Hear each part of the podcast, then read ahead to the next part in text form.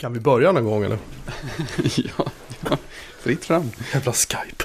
Det känns ju inte som att jag ska inleda så Nej men gör det så går vi härifrån. Det var liksom hela poängen. vi ska se på tv. Ja, och eh, ikväll så har alltså Joakim Melin bestämt sig för att han ska kolla på tv istället för att sitta med här och eh, prata i eh, Björneman Melin-podden. Så Eh, det var ju Björman Nickar då istället. Blir något. Ja, fast nu är du ju här också. Ja, Ja, bra. avslöjar du lite grann. Jag stalkar. Mm. Ja, Eh, nej hörni. Eh, ikväll så blir det ett jävla chatt. För nu är vi tre stycken. Nej, vi, vi, har, vi har en gäst. Första gången. Det här är, det avsnitt 48? Åtta. Efter 48 avsnitt. Mm. Det är rätt stort. Äntligen får jag vara med. Jaha. Ja, men vi väljer dem noggrant. Jag håller koll på dig länge nu förstår du. Åh, tack så mycket. Tack så liksom mycket. så här, Det kört en audit sådär. Se om du är värdig. Om jag pl- platsar in här, trots att jag har kritiserat Mac så mycket under de senaste åren. Det är okej. Jag har i och för sig kritiserat Windows också. Det, faktum är, jag är nog eh, ganska nöjd med att på eh, diverse sociala medier både bli kallad Android-fanboy, iPhone-fanboy, Windows-fanboy och Mac-fanboy. Det, det, det är stort. Då har man breddat sina vyer rätt bra Mm. tycker jag. Det är rätt episkt. Jag, jag, jag, tror, jag, tror, jag har inte blivit kallad fanboy på jättelänge. Jag tror nästan, undrar om jag någonsin har blivit. Jo, jo jag blev det någon gång när, när, eh, när de la ner X-server och jag förutspådde, korrekt ska jag säga, att eh, Apple skulle göra om OS10-server. Skulle det, bli, det skulle bli någonting i stil med Small Business Server som Microsoft hade på den tiden. Och det blev det. Ja. Och den personen som mejlade mig under falskt namn för att håna mig och kalla mig fanboy. Han har jag aldrig kunnat, eller hon har jag aldrig kunnat kontakta och säga, "Haha, jag sa ju det. Men jag tar tillfället att göra det här. Leta fram en ljudeffekt speciellt för det. Ja, långnäsa, f.wave får du leta reda på. Och I alla inget, fall. inget skriker fanboy lika mycket som om en sån här jobbig person som faktiskt har rätt dessutom. Jag Fruktansvärt. brukar inte ha rätt så ofta. Men uh, anyway. Så Jaha. försöker hålla igen på det. Äh, men så är det i alla fall. Så att ikväll eh, så har vi en gäst. Det är, det är väl inte, det är inte bli sista gången. Det känns, det, jag känner, jag har en sån här varm härlig känsla redan nu. Ja, det känns bra. Eh, så vi kan väl, vi kan väl, eh, kan du inte presentera dig lite? Jo, um, jag heter Nicka och eh, dyker upp på diverse olika ställen. Jobbar normalt sett på Shell Kjell Company och skriver Kjell Companys böcker. Så just nu parallellt med att vi gör det här så sitter jag och förbereder nytryckversionen av Hur funkar Arduino som är den, den senaste boken. Eh, Så eh, eh, försöker att multitaska. Jag vet att det inte är min starkaste sida så jag- jag kommer troligtvis få låta det ligga vid sidan medan jag pratar. Eh, Men det är i alla fall kvällens plan att försöka få alla de blåkopior på den nya upplagan godkända innan jag går hem. Ja, sen arbetskväll. Mm. Det låter det som. Ehm, Och bortsett från det så eh, tycker jag väldigt mycket om teknik. Tycker om eh, allting från eh, iPhone till Android till eh, Mac OS 10 som inte heter Mac OS 10, förlåt. Eh, Mac OS eh, OS och 10. Windows. Nej, förlåt, MacOS, just det. Just det. Mm. Mm. Eh, Har vi rätt på namnen här igen? Eh, men eh, ja, det är väl kort och gott eh, mig. Har lyssnat på den här podden, eller lyssnat ska jag faktiskt inte säga, utan jag har mer hört på den här podden. För, för det känns som att er podd är verkligen en sån podd som är liksom en feel good podd Man lyssnar lite sådär halvt om halvt, hör någonting här och där. Och annars mer bara sätter sig in i ert liv. Vi, vi är bakgrundsljudet Fredrik, hör du? Ja, jag vet. Ja. Nej, men, det, men- var men- kul, det var kul att ha med det här i programmet då. Tack så mycket. Men det, alltså, det är ju väldigt högkvalitativt bakgrundsljud. Ja, jag Man får ju se det så. Ja, men du. Jag vet, jag vet, Orup berättade någon gång att han hade fått höra att hans musik var att diska till. jag, tycker det, jag tycker det här känns mycket, mycket bättre. Alltså det, det, det var ju faktiskt beröm det jag gav er. Det, Ja, ja, visst, ja, det, det, är ju alltså att vilja ha på er podd för att höra om de sakerna som ni pratar om. Det, det är ju någonting som säger att ni gör någonting väldigt bra. Ja men, ja, men visst, alltså, det har jag, ju, har jag ju tänkt på själv också. Det, det mesta av det jag lyssnar på är ju på ett eller annat sätt för feelgood-faktorn. Sen oftast Mm. för att de, pra, de pratar om grejer som jag är intresserad av också. Men det är så här, de här rösterna vill jag ju höra. Jo, Nej, jag, jag, hade ju inte lyssnat på er om ni hade bara diskuterat Orup och diskning. Eh, utan det är ju för att ni har i, i intressanta ämnen som ni, ni pratar om. Eh, men eh, ni gör det liksom på en, eh, en väldigt eh, lagom nivå för att ha på i bakgrunden. Eh, antingen när man diskar kanske eller när man går och handlar och har podden i öronen. Det mm. perfekt för det. Men här, dis diskning är ju lite podd prime time på något sätt. Mm. Ja, jag har... Eh, folk går ut med hunden har jag sett. Eller, ja, just det. Att, och lyssnar på oss. Det funkar. Det går att spela Pokémon Go och lyssna på oss också. Jaha. Lyssna på poddar. Jaha. Det är alltså ett väldigt mångfunktionellt format. Det, mm, det är det. Det funkar till känns allt. Det känns som att vi, vi är banbrytande. ja, precis. på så här. Järva pionjär. Nåväl. Um, nu när vi har lagt artigheterna åt sidan så kan vi raskt dyka in på kvällens, vi, vi, har, vi har otroligt mycket att prata om för en gångs skull. Mm. för, för en gångs skull. Nej men sådär, vi, vi, har, liksom, vi har en lista här. Ja, ja men det, ni brukar ju ha en lång show notes-lista också med allting som ni pratar om. Ja, det, ja det den har ingenting med att göra. Nej, det, det, har du faktiskt inte, inte så mycket. Du producerar grejerna före och jag producerar listan efteråt. Ja, ja det är jämn och fin belastning. Jag dyker upp och pratar och lägger upp avsnittet på webben. Ja, så är Fredrik resten. Typ och då måste jag bara få göra ett tillägg till förra podden som jag inte var med i. Eh, Sublime Text är en fantastisk texteditor som man absolut bör ha. Mm. Den är trevlig. Mm. Det, det, där med inställningarna tycker jag fortfarande är lite sådär fånigt på mm. något sätt.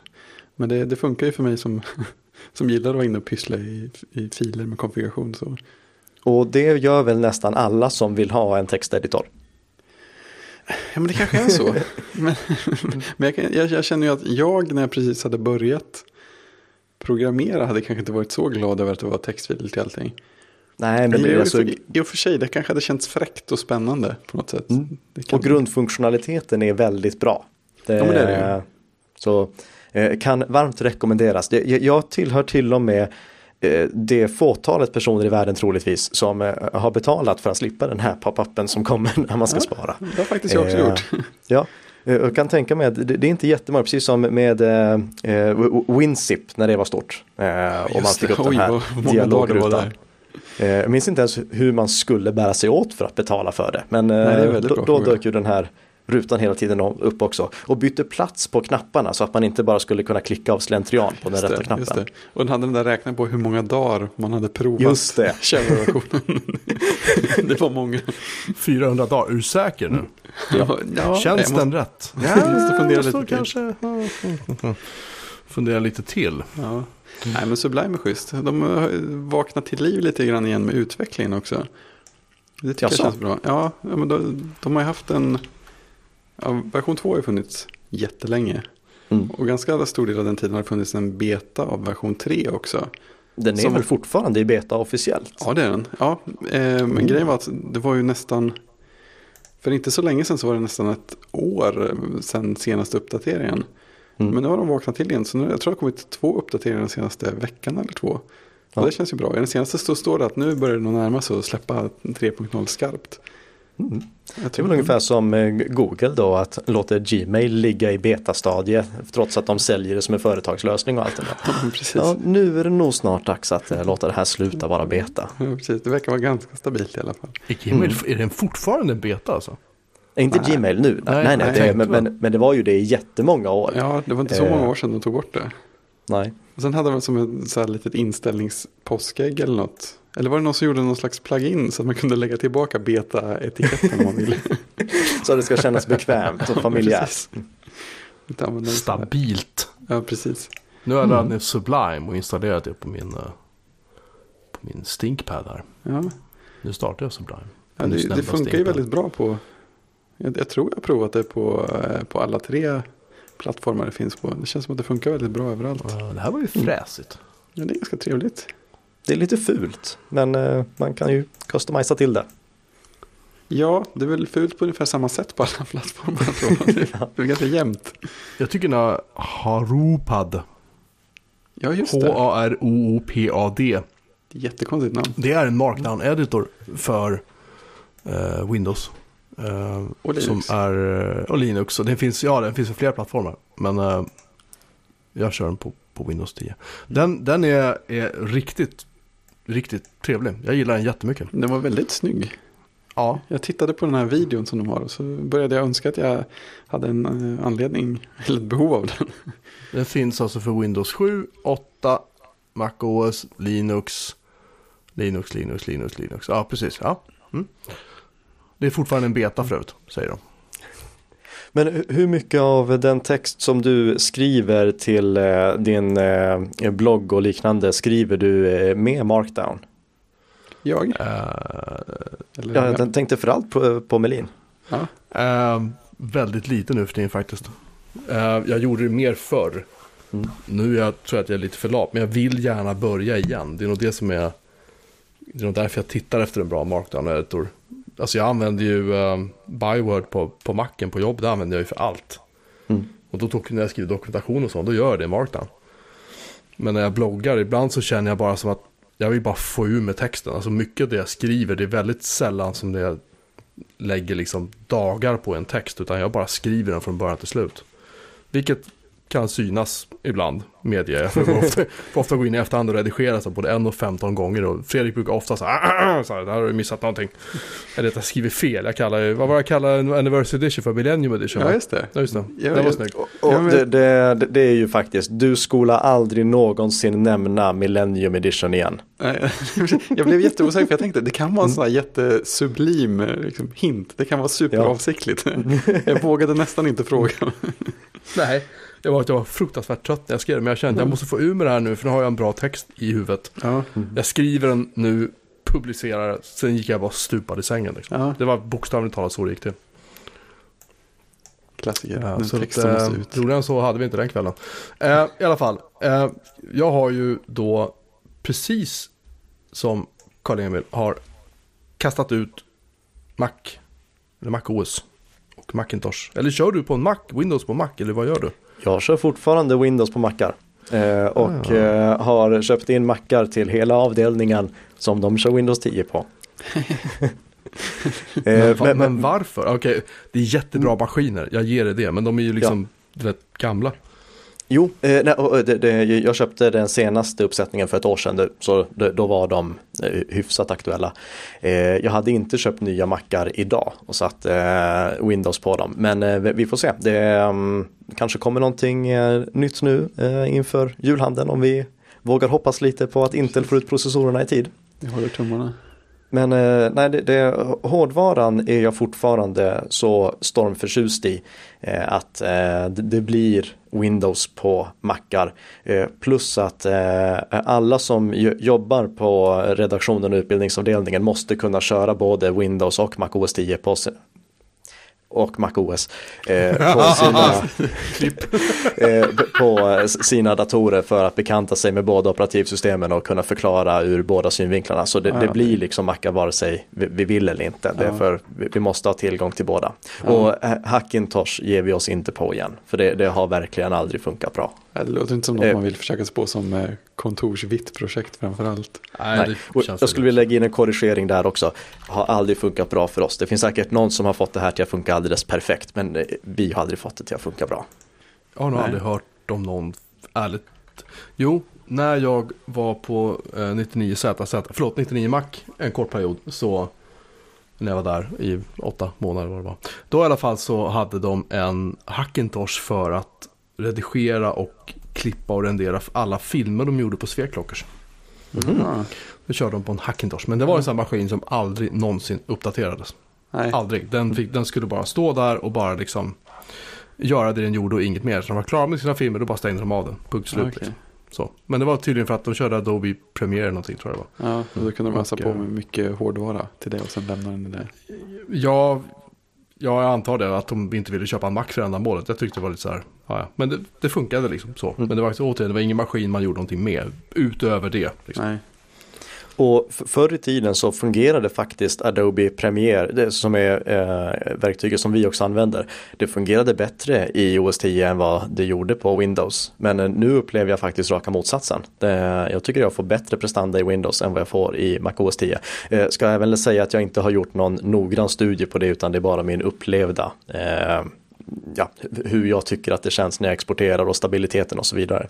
Eh, så jag kan inte säga med 100% säkerhet att det är så. Men det är Jag min måste säga- upplevelse. Efter att ha kört eh, Adobe eller Photoshop och CS bara nu för version den senaste 20, egentligen 2016 eller CS. CC 2015. Tack. Ehm, så är jag förvånad över hur också den känns väldigt stabil och rapp. Mm. Eh, och faktum är att mycket av det jag gör på den här ThinkPaden då eh, känns, och Windows 10 känns betydligt rappare än vad det gjorde med, eller vad det gör med min jobb Macbook som är också en Core i7 med 16 gig minne och liksom sådär jättesnabb maskin. Men jag vet inte vad det är med Macen som gör att den känns lite segare eller om det är bara att det är lite fluffigare eller vad det Alltså förstår ni vad jag menar? Att det liksom inte Mm, är den här lite absolut. krispa, tajta liksom. Kanske lite tråkiga då. Designen som ändå är i, i i Windows. Windows är mer funktionellt medan Macen är mer så här vackert.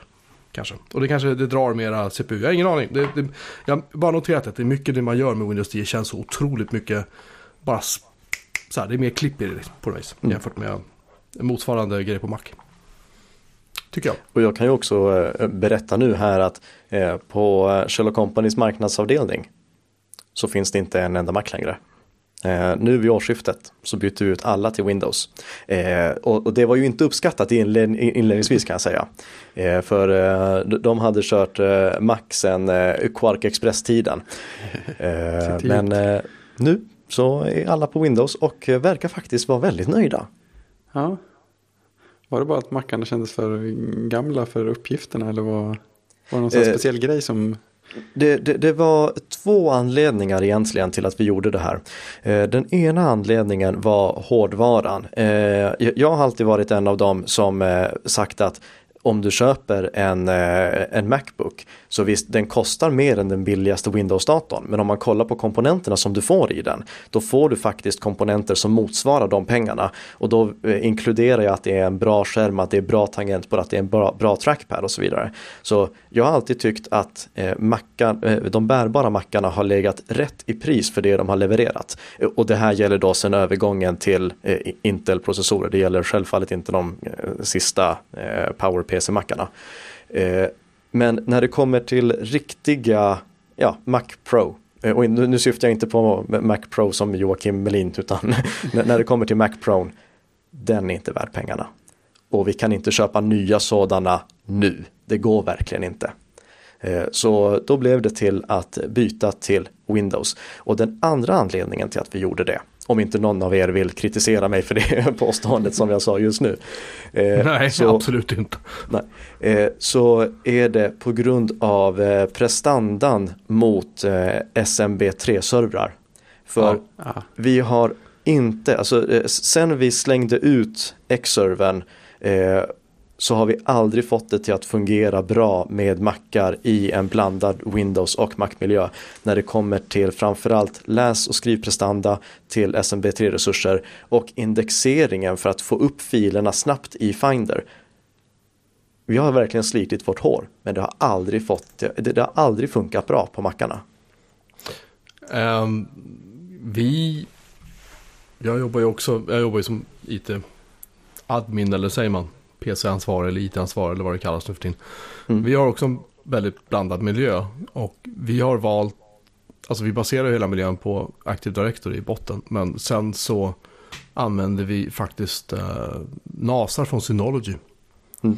Som vi kör SMB3 mot och det fungerar riktigt bra. Det är riktigt bra liksom prestanda på dem. Eh, när vi, folk ska trycka filer, vi har också en marknadsavdelning som trycker jättemycket filer, mycket Indesign och sådär, upp till Mm. de här NASarna. Och det har fungerat väldigt, väldigt bra. Vi använder inte Windows för det syftet. Alltså Windows-baserade filservrar. Nej. För det, där är min erfarenhet samma som dig, att det, Mm. det fungerar aldrig riktigt hundra. Det är ungefär som man använder Apple Mail ihop med Exchange eller Office 365. Det är så här, ja det funkar, ja kanske inte. Så här, funkar Några, några saker funkar. Ja, jo men sådär och, och jag menar, jag har en exchange över i källaren liksom. Som jag försöker ladda hem mail när jag är på jobbet till Apple Mail. Och så kan det stå så här, nu laddar ni tre mail och så tio minuter senare, laddar fortfarande ner tre mail. Jag kan se mailen i min telefon, jag kan se dem i webbgränssnittet. Men jag kan inte se dem i, uh, i Apple Mail. Så jag startar om Apple Mail och så får man bygga om brevlådan och så håller man på, äh, liksom. Det, nej, och det, och det är också en del av det som jag är väldigt frustrerad med när det gäller Apple. Uh, och liksom OS 10 eller Mac OS eller kalla det vad du vill. Just hur de bokstavligt talat skiter i det här. Alltså Apple Mail har ju aldrig riktigt fungerat med Exchange exempelvis. Apple Mail har alltid varit liksom ett sorgebarn när det gäller de flesta mailtjänster egentligen förutom Apples egna. Mm. Eh, nätverks, eh, koppla upp sig mot servrar och sådana saker. Det har aldrig varit riktigt, riktigt hundra liksom. Mm, men uh, nu tycker jag ändå att du är väldigt hård här för nu får du inte glömma att i den senaste versionen av, eller näst senaste versionen av eh, Apple Mail för iOS så kan du faktiskt rita ovanpå bilderna. Har du glömt det? oh shit! Nej, ja, ja, du har helt förträngt. Det är ett företagsfeature. För det känns ju precis, det känns otroligt Enterprise liksom. Ja. alltså, nej, eh, jag är väl... Eh, man kan väl säga att, att råget, jag vet inte vad, rågen är, vad säger man? Måttet, rågen är rågat. Tack, det har varit en lång dag idag. Um, och det är sådana här saker som gör att man inte riktigt känner som, som användare eller som IT-ansvarig eller som någonting att liksom ska vi nästa gång vi ska byta ut de 30-40 mackar vi har på företaget, ska vi köpa nya mackar då? Nej, Eh, faktum är att den, den krönikan jag skrev häromkvällen om, om just varför jag bytte Windows 10. En av mina medarbetare kom till mig idag. Eh, och han har liksom väntat på att Apple ska släppa nya Mac. Han har, han har sin privata Macbook Air på jobbet nu. Eh, och han, han liksom väntar på att han ska att de ska kunna beställa någonting nytt. Och då sa han så här, jag läste din krönika. och du fick mig att ändra mig, beställ en ThinkPad åt mig.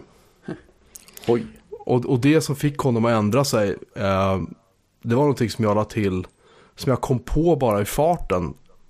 Eh, inte för att jag hittade på bara, utan det var en känsla jag haft som jag liksom inte kunde sätta ord på. Men det, det bara föll sig till slut att, eh, och det var det där jag skrev om att när man sitter framför en PC så, man gör klart jobbet, sen går man därifrån. Eh, och han höll med. Eh, det kanske, bara, det kanske är väldigt fåtal människor som tycker att det är så.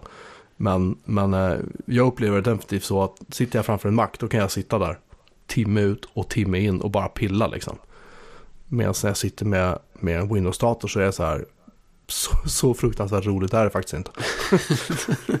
På något men, men alltså menar att det är, är så att det är enklare och eh, Alltså jag, jag, tänker, är, är, det, är det något med hur Windows är eller är det att du är så pass ny i miljön så att du inte har samma grejer att sitta och bli distraherad av? Nej, jag, jag, jag, Det är väl klart att det kanske är så att, att det här kanske är nyhetens behag. Det är fullt möjligt. Men, men jag upplever på något sätt att när man... Eh, säg så här, det kanske är på det sättet som GUIet är utformat i, i MacOS respektive Windows. Alltså för att i mm. MacOS så liksom smälter ju GUIerna ihop på något vis. För att du använder samma menyrad och... Är du med? Man kan mycket, mycket snabbare färdas mellan olika applikationer och liksom... Det är nästan som de smälter ihop lite grann. Om man ska förenkla det. Medan i Windows är liksom, en applikation är ett fönster, punkt. Den har egna menyer, den har egna knappar. Ingen applikation i princip är den andra lik när du kör Windows 10. Eller Windows, någon version egentligen. Så jag tror att det, det är mer fokus på det du gör här och nu. Lite samma fördel som folk pratar, eller åtminstone pratade om ibland med att jobba på, eh, på iPad eller sådär. Att nu, nu, ja. har, nu har jag liksom applikationer jag jobbar med här. Och det gör mig mer fokuserad än när jag har macken och alla de här fönstren som ligger precis intill varandra. Och har alla olika saker framme samtidigt. Ja, kanske. Men jag, jag, har, jag har två 24-tumsskärmar framför mig nu.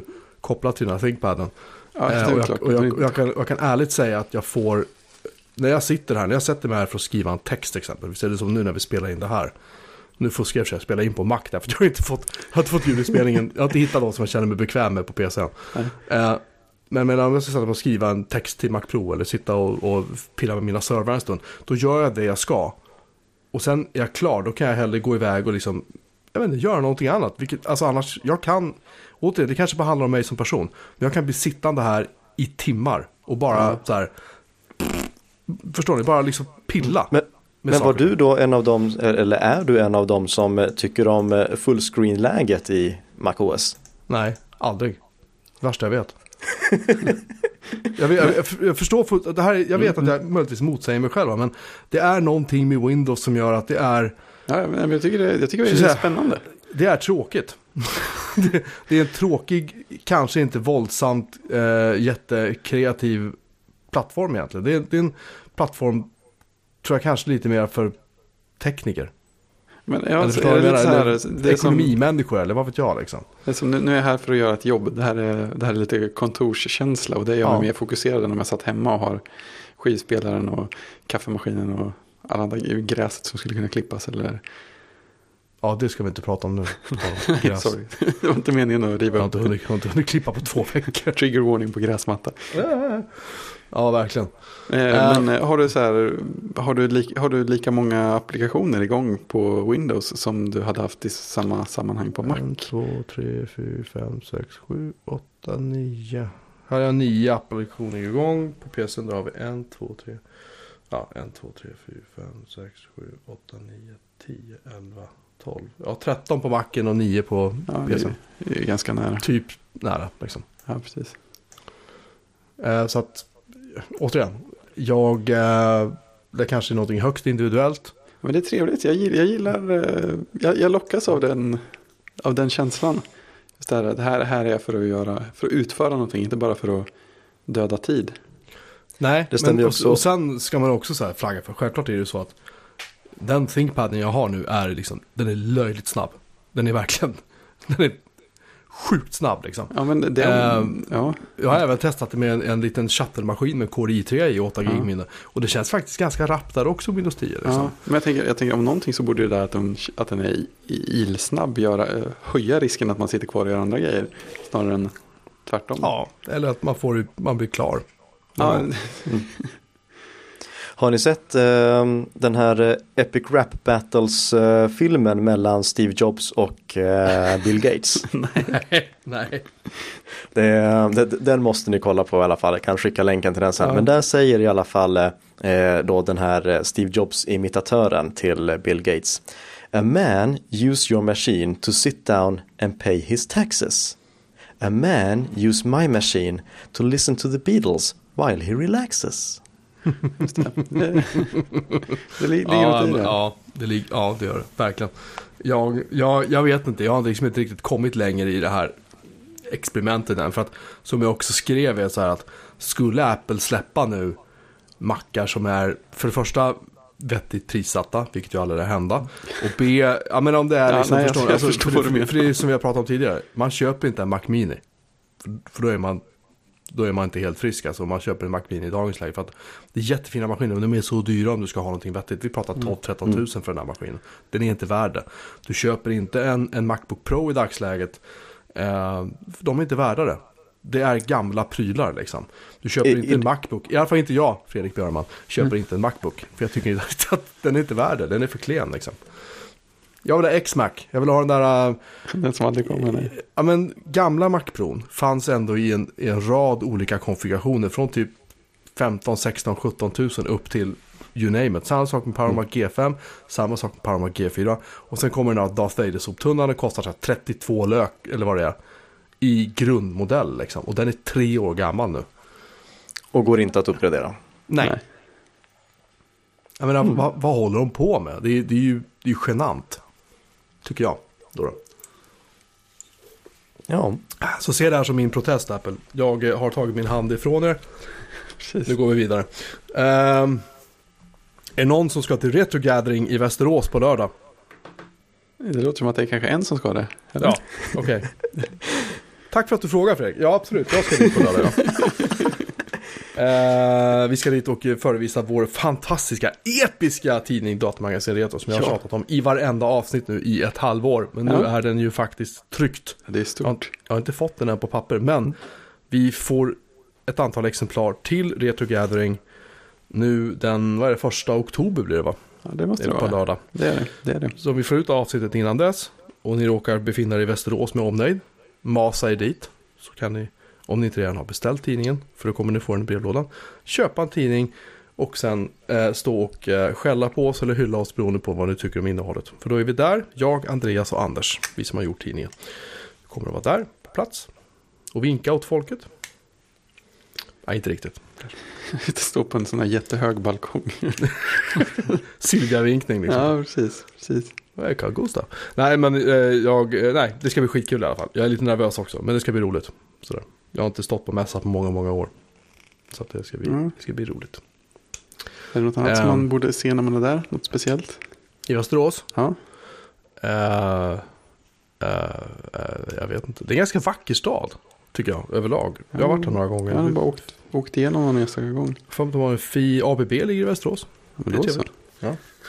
Eh, ja, i alla fall. Uh, Retrogatheringen är i Västerås på lördag 1 oktober. Eh, jag tror att det är något inträde man måste pröjsa och sådär. Men... Säg att ni känner mig så kanske ni kommer in gratis, jag vet inte. Nej, jag skojar bara. Eh, kom, kom dit i alla fall. Det vore skitkul att träffa folk. Tycker jag. Jag, jag, jag hade kommit men jag är tyvärr bortrest. Beklagar. Du är så otroligt globetrotters, är du inte det? Du är överallt. Ja, det är en, eh, nu till ehm, Nu till helgen så ska jag till New York. För då är det eh, den stora makermässan, eh, Maker Fair New York.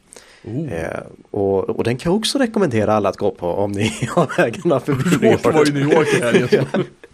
Eh, Men eh, det, eh, för alla makers så är det eh, ja, eh, där det är dags att visa upp allting stort som de har lyckats åstadkomma med Arduino och Raspberry Pi och allt där kring.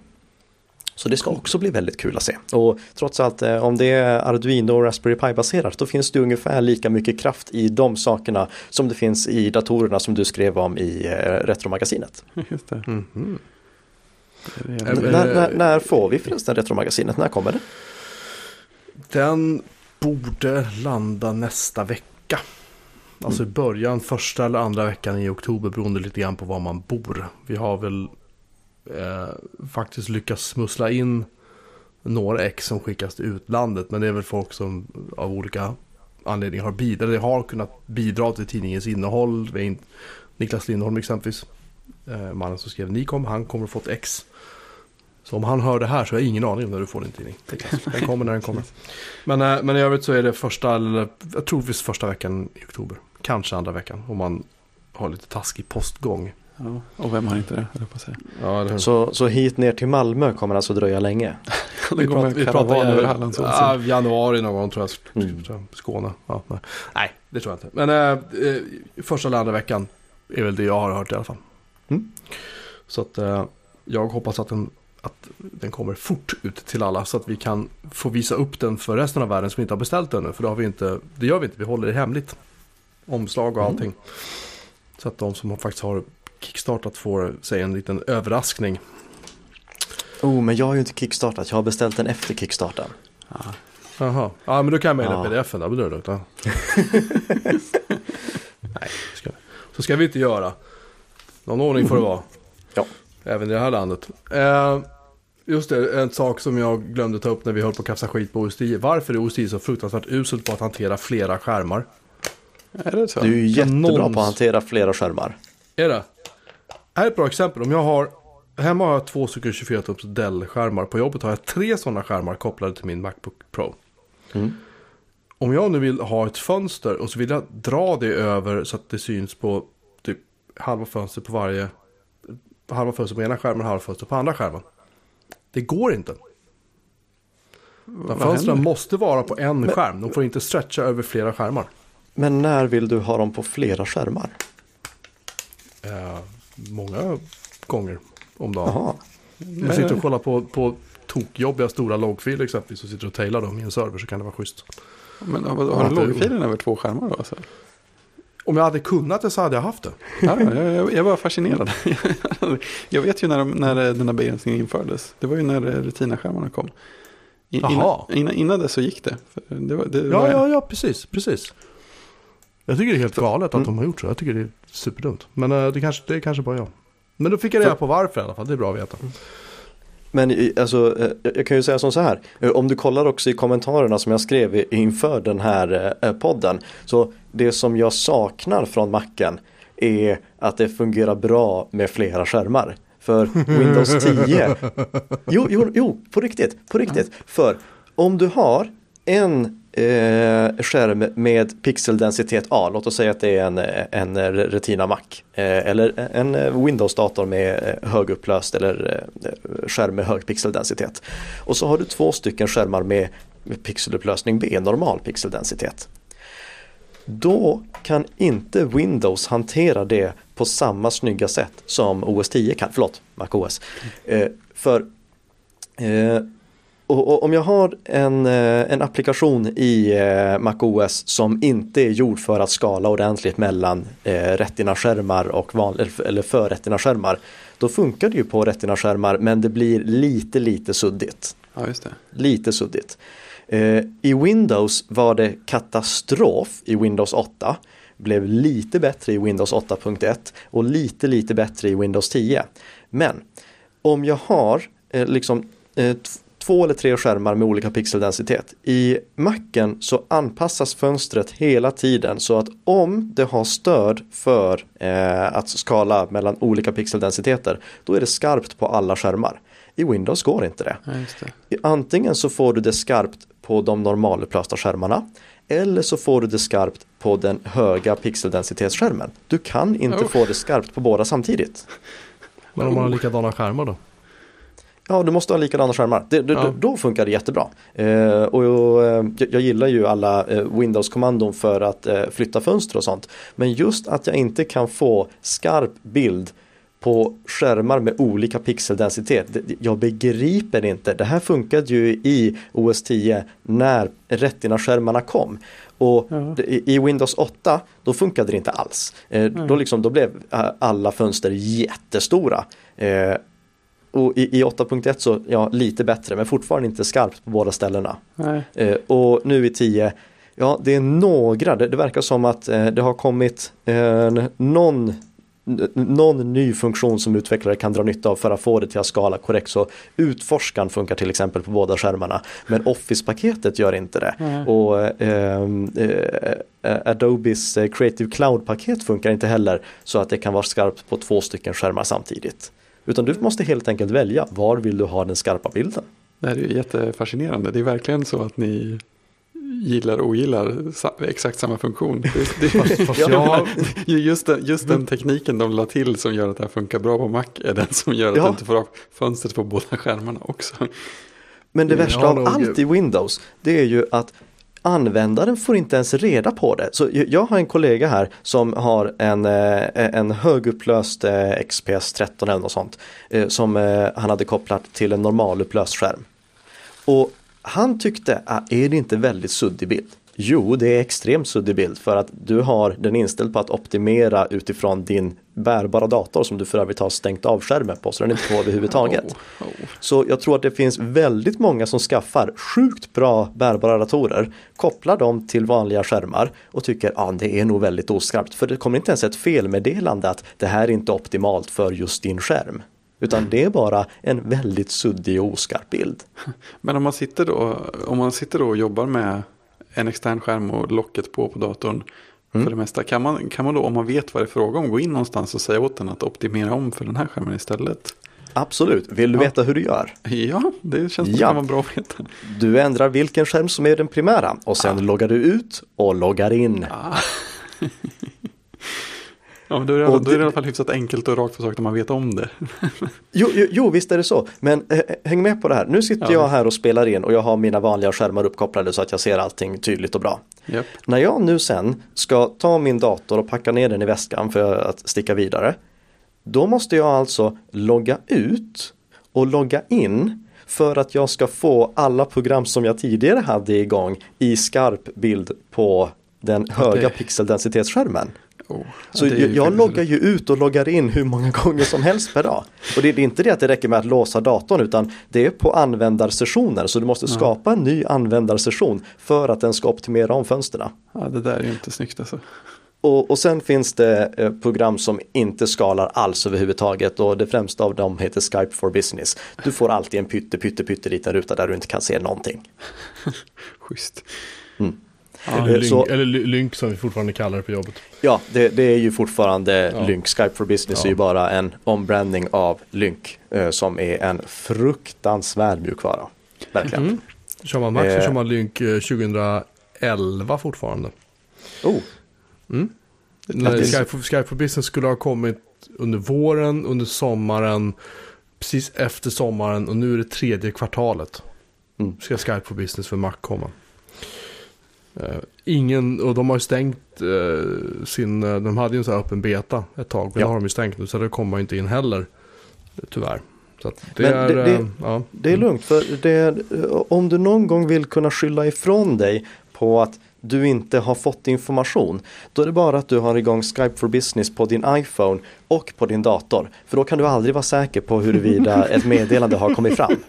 Så den är jättebra. Det var så, skrev du det till mig på Skype for Business? Ja, ja, men då så. Det är inte så konstigt att jag inte har fått reda på det. Nej, det stämmer. Vi, vi kör ju 365 och det är som för övrigt är en bra plattform. Men det, Oh ja. där, funkar, det där funkar inte riktigt bra. Nej. Det kan jag faktiskt hålla med om. Det Ehm, funkar ungefär lika dåligt som eh, OneDrive for Business. Som inte heller har någonting med OneDrive att göra. Utan Nej. OneDrive for Business är ju gamla Groove. Just Och inte gro- Groove då som i eh, deras musiktjänst som också heter Groove. Utan gamla synkklienten Groove. Okej. Eh, nu, nu, nu har de lyckligtvis lyckats eh, migrera så att eh, om man har filer som man bara arbetar själv med då använder de OneDrives synkmotor som faktiskt funkar bra. Men om du har en, en SharePoint-sida och du där har flera olika användare som kan logga in och arbeta samtidigt då faller den tillbaka till den gamla Groove synkklienten. Och jag vet inte hur många filer vi har blivit av med på grund av denna förbannade Groove synklient. Och, och det är också en sån sak, det ska fixas nu under kvartal 4. Eh, Så vi ser fram emot att vi får den riktiga synkklienten då. Eh, Så eh, kort och gott, allting är inte guld och gröna skogar i Microsoft-land heller. Nej, Nej, jag har än, än så länge inte haft några problem med, med OneDrive for Business. Faktiskt. Det har funkat, det funkar förvånansvärt bra. Har du provat Mac- lägga någonting på SharePoint? Nej, di, dit är vi på väg. Nämligen. Eh, Don't do it. nej, jag hör vad du säger. Eh, och eh, nej, det ska vi undvika. Mm. Ehm, För det, det, allting som använder den nya Next Generation OneDrive Sync Client, Microsoft är också väldigt bra på att komma på namn,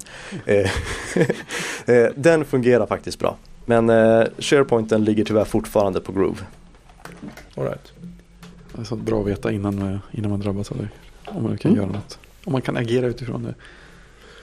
Ehm, nu vill inte jag prata mer om Microsoft. Eller om Windows.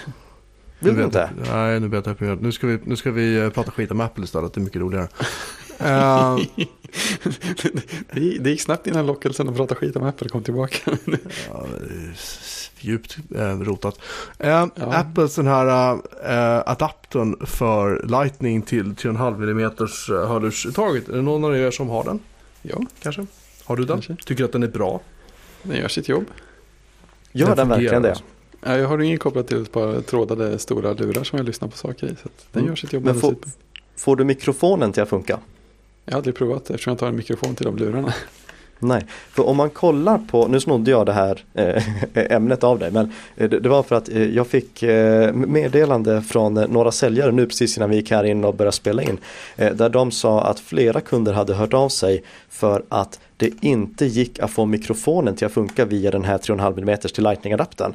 Och om man kollar på Apples webbsida så verkar det vara många som har det problemet. Så jag funderar på om Apple har snålat in och satt en trepolig kontakt istället. Så att det bara är för hörlurar, inte för headset. Alltså hörlurar med mikrofon. Mm, om det inte. Det kan inte vara samma mjukvarubugg som någon skrev om de med... Eh, Light- 10.10.2. Eller det- 10. Ja, det Det. kanske det var. Ja, men för det var ju folk som... 10.0.2. Några, några som pratade om att eh, saker buggade med Lightning... Eh, vad heter det? Earbuds. Just det. också. Och det hade de fått bekräftat tror jag att det var en mjukvarubugg som skulle fixas i nästa version. Så jag undrar om det här skulle kunna vara samma sak eller inte. eller det Jag, beror på, eh, funkar det någon gång? Eh, Jag har inte sett någon som har fått det till att funka överhuvudtaget. Men eh, det är när lagret öppnar här imorgon så får jag ju springa ut och prova att koppla in ett par för att se om hörlurarna funkar med mikrofon eller inte alls. För Det är, eh, någon, det, det är någon, förlåt, det är någon som säger, skriver i sin recension att det funkar med mikrofonen. Ja. Eh, han har Urbeats headphones. Men om det är Beats eller om det är något annat. Mm. Urban Beats eller jag vet inte. Men eh, överlag så kan jag säga att den här, de här, den här adaptern får chockerande dåligt betyg. Ja, den får alltså mm. en stjärna, två stjärnor. Sen kommer någon, fem stjärnor. Han bara, den är skitbra! Och sen kommer det så här, två stjärna, en stjärna, två stjärna. Väldigt många som inte är eh, imponerade Nej. direkt av den här. Och där har vi också fler som rapporterar det här eh, hörlursproblemet. Mm. Ja, Eller förlåt, eh, mi- mikrofonproblemet. Men då kan vi ju hoppas att det är en mjukvarubugg och inte en trepolig kontakt inuti. Ja men precis, Men hoppas kan man ju. Mm. Ja, Ja, verkligen. vi får se. Jag får klippa upp den och kolla. Ja, precis. Coolt. Ehm, den, nej, jag har ju ingen iPhone 7 så jag har inte ens, jag har inte ens sett den där adaptern än. Men ja, det känns lite löjligt kanske. Mm. inte. Men eh, som eh, jag själv eh, skrev tidigare i en krönika så tyckte jag att det var helt rätt av Apple att faktiskt plocka bort den. För att kunna ge plats för batteriet och så vidare. Ehm, men eh, jag hade ju hoppats att i så fall det hade varit en fullkopplad adapter som de hade Mm. erbjudit. Eller förresten. Um, men vid närmare eftertanke hoppas jag att den inte är fullkopplad för då har jag en eh, liten produkt som vi skulle kunna utveckla. Var, varför låter ditt jobb så otroligt mycket roligare än några av våra jobb? Gör det! Ja, Ja, faktiskt. det låter jätteschysst. Mm. Jag tycker det låter jättekul också att ha hand om massa servrar. Det får inte jag ha någon gång. Jag får inte ens leka med våra servrar. Nej, det, tyvärr är det inte så mycket lek. Man, man sätter upp dem och sen numera så det är inte så mycket som går sönder längre. Det Tyvärr. låter ju väldigt Det är jobbigt. väldigt, väldigt sällan saker och ting pajar. Så att vi, ja. vi, vi står med ett gammalt ADM i Windows Server 2008. Och det ska lyftas ordentligt och göras om och döpas om. Och det är så vi har jordens process framför oss. Men när det är klart så då är tanken att det bara ska snurra liksom. Det är Vid närmare eftertanke låter det där inte alls lockande för mig. Nej, det, det, det kommer bli en spännande höst. Många gråa hår. Ehm, I Android-land. Jag, jag har ju fortfarande inte fått hem den här uh, OnePlus 3-telefonen. Som jag skulle titta på och testa och prata om. På tal om posten. På tal om posten, ja precis. Det är lite deprimerande. Så, och jag, så att jag har liksom ingen koll på vad som händer på Android nu för tiden. Alls. Kan Mm. någon upplysa mig? Det, det ska tydligen, det var någon tweet här som, som vi blev eh, tipsade av av någon snubbe, eh, Karl Emil någonting heter han. Nicka va? Ja just det. Eh, Anonym tipsare. anonym tips. Anonym tipsare. Väldigt anonym. We Nej, men det är the first faktiskt- version of Android eight years ago and I have a feeling eight years from now we'll be talking about October 4th 2016. Det är alltså nästa vecka. Mm. Och det här är ju Alltså, jag, jag har aldrig varit med om att Google har slagit så mycket på stora trumman inför någonting. Men eh, det finns väldigt mycket som håller på att hända nu i eh, Android-världen. De, dels har ju eh, Android Nougat precis börjat eh, rulla ut till alla enheter och Google kommer med högsta sannolikhet nu den 4 oktober att lansera sina första telefoner under eget varumärke. Tidigare har de ju haft eh, Nexus-telefonerna eh, som jag alltid har förespråkat i Android-sammanhang. Eh, men nu kommer de då med sina egna mobiltelefoner som visserligen görs av HTC men eh, som är under eget Google-varumärke. Och, spännande. Åh, fan. Eh, Eh, det, det som är lite tråkigt där som jag ser det, det är att eh, Nexus-telefonerna har alltid varit väldigt lågt prissatta och varit vända framförallt till utvecklare. Eh, ryktena säger att eh, Pixel-telefonerna kommer ha mer samma prissättning som Googles övriga Pixel-produkter som är, eh, nu höll jag på att säga sjukt överprissatta, men de prissätts ungefär som, eh, som Apple prissätter sina saker. Ja. Så det verkar som att eh, Google nu med sin eh, Chromebook Pixel, alltså sin dator, eh, sin eh, Pixel Cs, alltså sin surfplatta och de nya två telefonerna vill göra som Apple, att de vill ta lite tag om Android-plattformen och göra sina egna produkter och visa vad de vill göra med Android som operativsystem. Både utifrån ett eh, rent eh, mjukvaruperspektiv med allt det som de släpper till alla, men också ur ett kombinerat mjukvaru och hårdvaruperspektiv, precis så som Apple har lyckats få till det när de har kontroll på både hård och mjukvara. Ja, som Eh, Microsoft med Surface. Ja, som Microsoft sätt Surface också. Eh, som de ju, alltså, jag, begriper inte hur de kan ha haft så mycket problem med Surface-datorerna som de har haft när de har så bra koll på hela produktionen. Men ja, Nej, det, eh, Vi har, vi har några på jobbet, de, har- de har fungerat bra. De jag har haft har fungerat bra, men jag har hört folk som har sjuka problem med dem där. ja, med både strömsparläge och eh, med eh, eh, displayen och den, vad heter den, deras dator, bärbar dator. Surface Book. Surface att ska de, Ja, den har varit jättemycket problem med. Ja.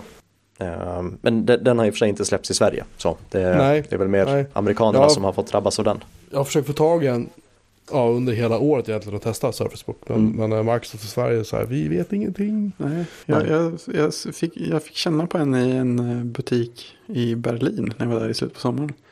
Mm. Den var förvånansvärt tung. Mm. Den, är, den är det. Ja. Den var liksom fräck i stilen men tung. Men eh, de har redan läckt nu, det gjorde de via deras eh, Instagramflöde, att det kommer en Surface Book 2.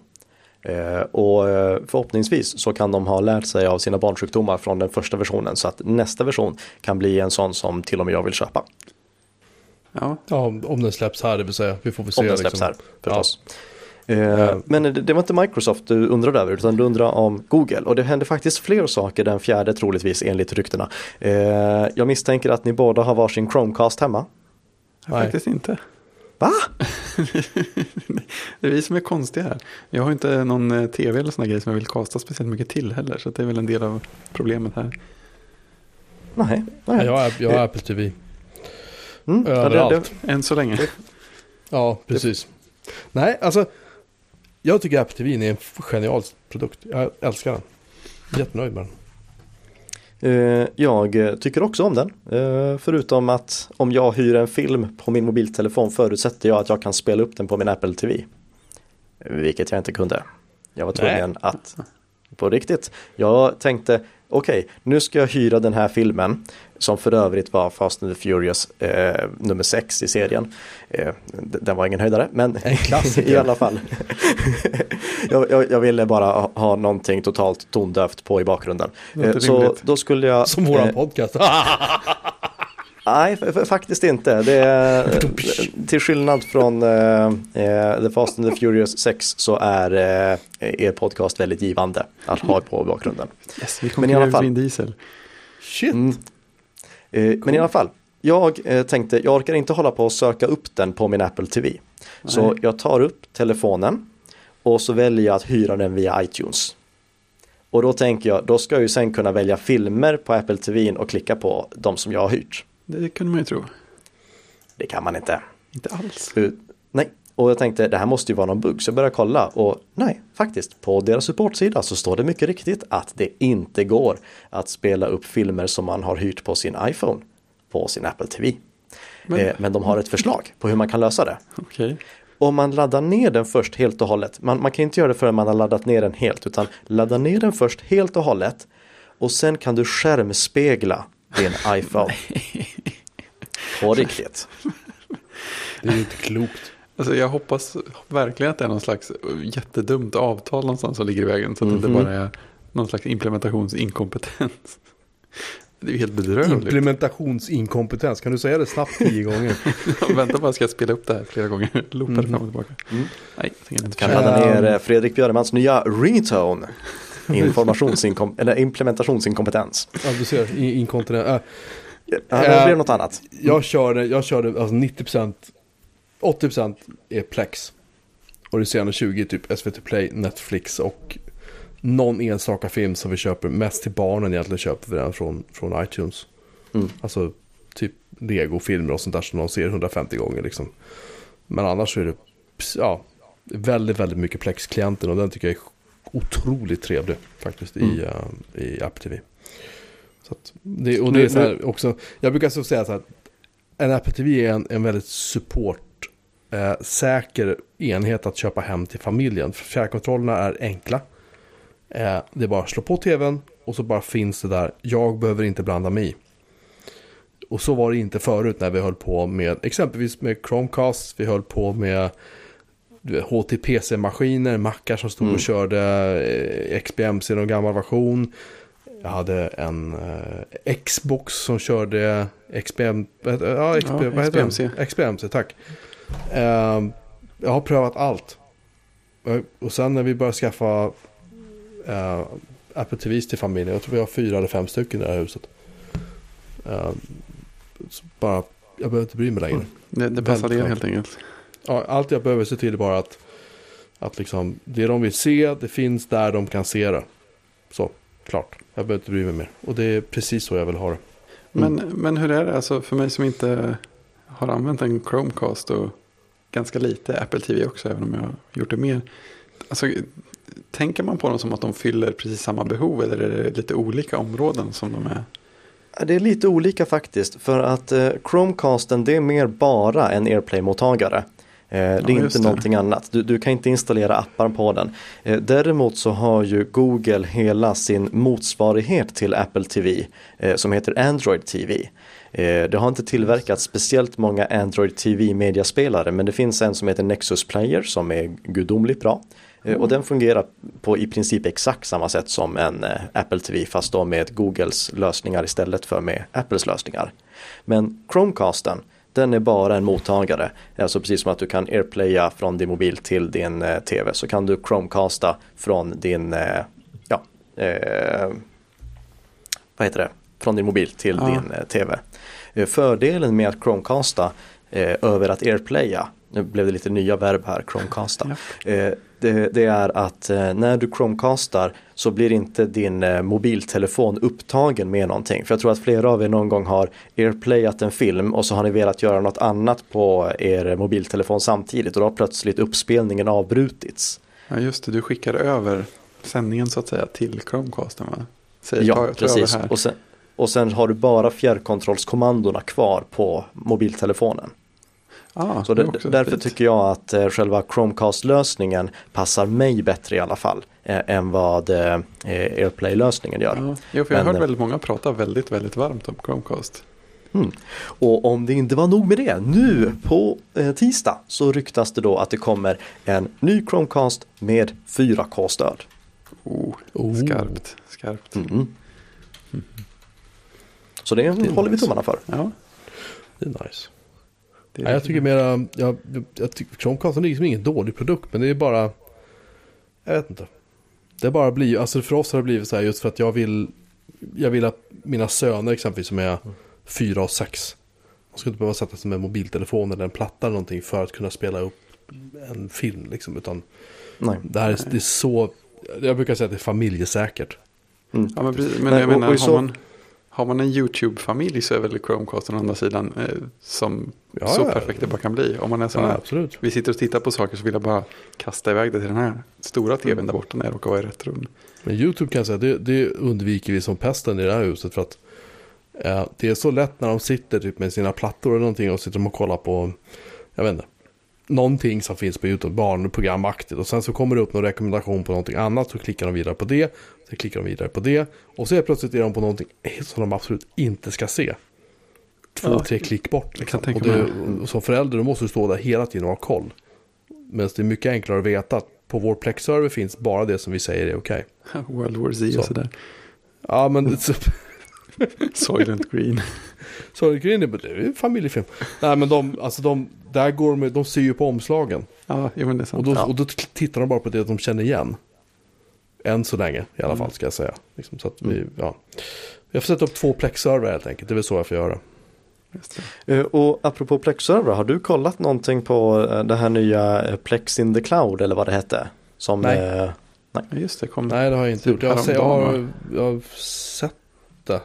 Bara som hastigast. Ja, Det var bara häromdagen de mejlade ut dem nu. va? mm, Jag tror det. Ja, det- Let there be Plex Cloud. Så kan du koppla in till, till Amazon för att lagra grejerna. och sådär. Så var det, just det, just det, just det. Nej det tänker jag inte göra. du körde på din Synology NAS precis som jag eller? Nej, jag kör på en, eh, en Ubuntu-maskin, en Core i3. En sån här liten shuttle-maskin med 8 gig minne. Ja. Och så kör jag alla, vad har jag, 10-11 terabyte disk någonting i en, en eh, ordentligt stor fin FreeNAS-server. Mm. Jag gör det ordentligt. Eh, för att jag gillar att ha mycket disk. Jättemycket disk. Det är bra. Mm. Eh, Men det är så vi gör. Och sen så delar jag fram och tillbaka med lite kompisar och sådär. Vi delar bibliotek med varandra och så. Så det, det är ganska smutt. Liksom att kunna. Ja, man hjälper varandra lite grann. Sådär. Pixel C finns det något som heter va? Eller något sånt där. Ja, det, det är surfplattan. Jaha, okej. Det. Eh, Ligger den alltså i iPad-prisklass den med? Ja, högre iPad-prisklassen Ja, okej, i så fall. Eh, och det det- finns tangentbord och sånt till den också. Ja. Men det är klart, det är, visst är det väldigt bra hårdvara i de dyra pixelgrejerna också? Oh ja, Ja. Eh, men jag, jag har ju svårt att se den som köper en eh, Chromebook för alltså, över 10 000 Nej, kronor eller hur mycket det nu skumt. kostar för att få en webbläsare. Ja, nej, man får inte riktigt ihop det på det sättet. Mm. Det känns lite Eh, märkligt. Nu i och för sig, jag var väldigt skeptisk till att Chromebook skulle sälja från första början överhuvudtaget. För jag tänkte, ja men, det, men kör en Linux-dator då. Men det är klart, det har bevisats. Folk vill ha det väldigt enkelt. Ja, Så, jo, men det är klart. Det, det finns ju en, en riktning värd att utforska där. ja, Men eh, jag undrar hur många de säljer av de där dyra. Jag tror att mer det är för att visa att det här går att göra. Ja, Och sen be- behöver de ju, om de ska få eh, hela Chromebook-konceptet till att slå, så behöver de entusiaster som förespråkar det. Och entusiasterna, de vill ha det absolut bästa. De vill inte ha en billig plastig Chromebook från Acer som har ett tangentbord som påminner mer om en svamp än om riktiga. just det. Och det. Och det är klart, då, då ser ju vanligt folk entusiasterna sen och då har de jättefina pixeldatorer. Att, Precis. ja, det kan nog funka. Eh, och, och Pixel C är inte en, eh, en Chrome-produkt, det är en Android-produkt. Eh, så Ah, Okej, ja det förstår jag. Alltså, alltså, alltså Googles universum för mig är liksom...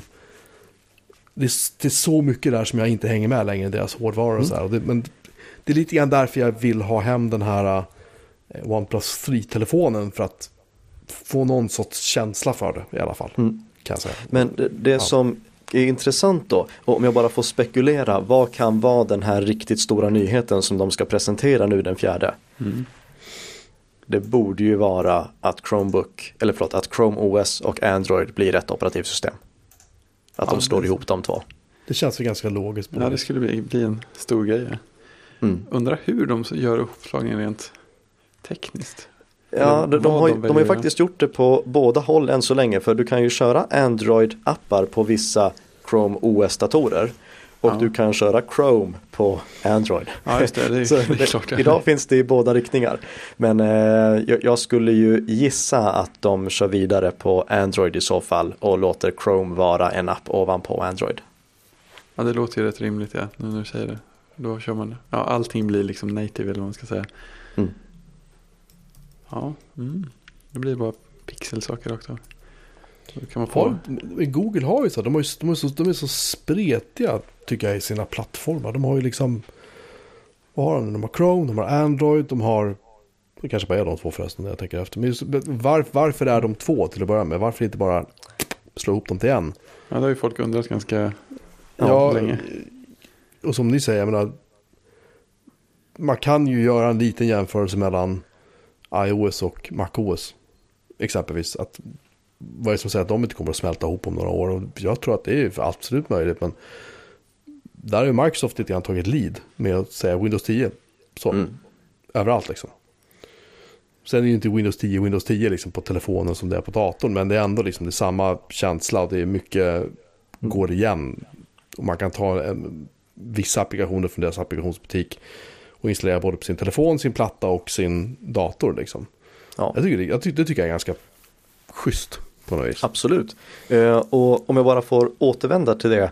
Eh, jag tycker det är otroligt synd att de inte har kört vidare med eh, Lumia-brandet. För det känns som att det är först nu som du skulle kunna få en utvecklare till att överhuvudtaget bry sig om att utveckla för både Windows Desktop och Windows Phone. Ja. Eh, och nu menar jag då, eh, förlåt, Windows Mobile, för att det nu faktiskt finns bra verktyg för att göra det. Så att det liksom, okej, jag behöver bara uppdatera GUI-delen så funkar det eh, kors och tvärs på alla enheter.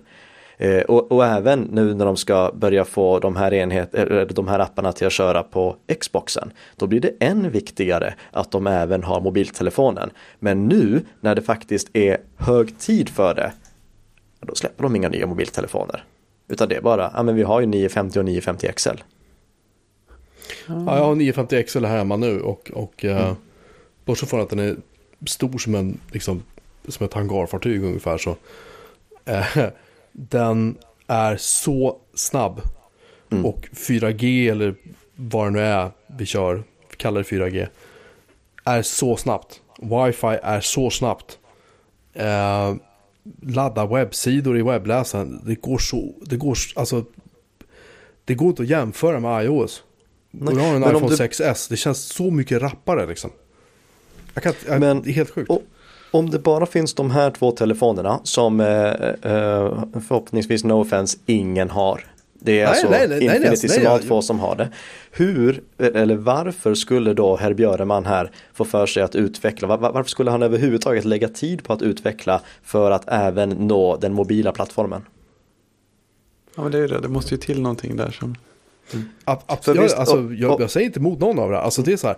Den här plattformen, Windows som mobilplattform, är liksom, den är dödare än disco. Så är det bara. Alltså det, det, tittar man i deras applikationsbutik, de, de applikationer som finns där det är liksom Facebook eller om det är Twitter eller vad det än må vara. Det är Microsoft själva som sitter och utvecklar de här.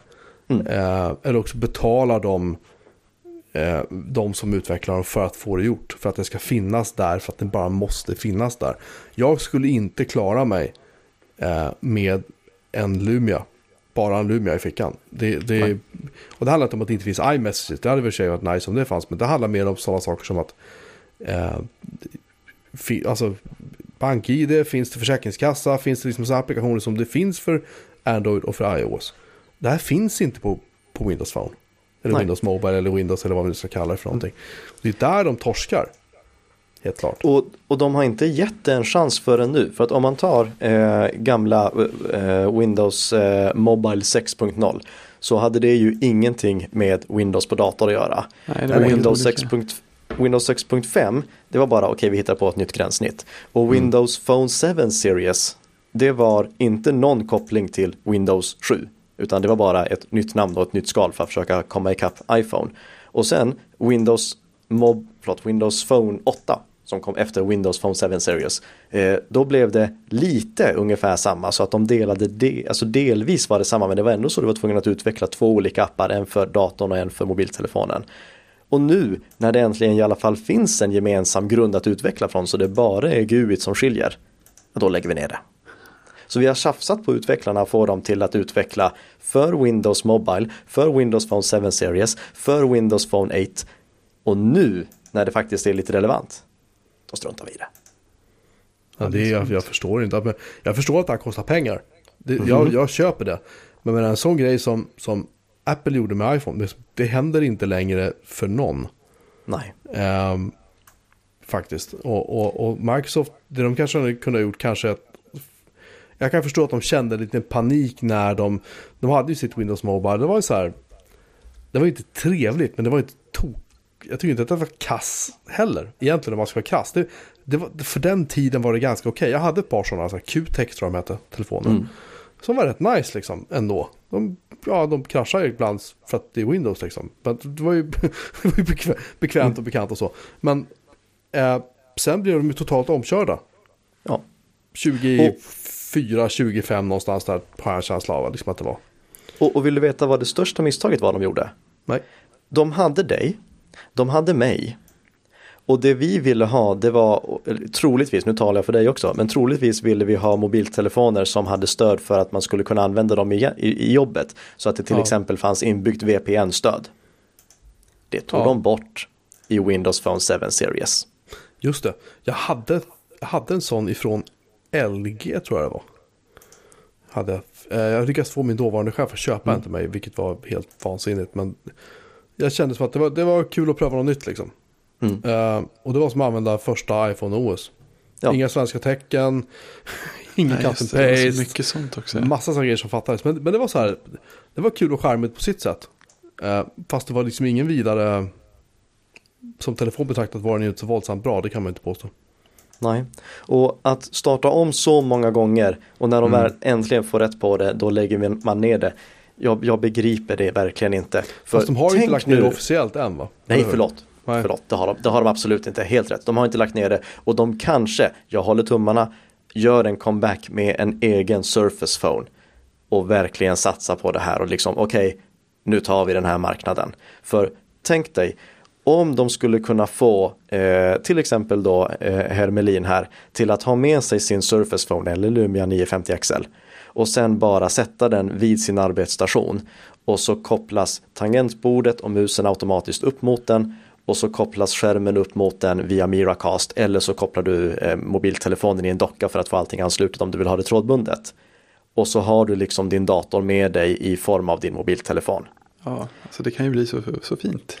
Det, det, kan bli så bra, så snälla Microsoft, ge inte upp nu. Ni hade jättegärna fått ge upp för ett år sedan, för då var ni helt ute och cykla. Och för två år sedan och för tre år sedan. Men ja, nu ska ni inte ge upp.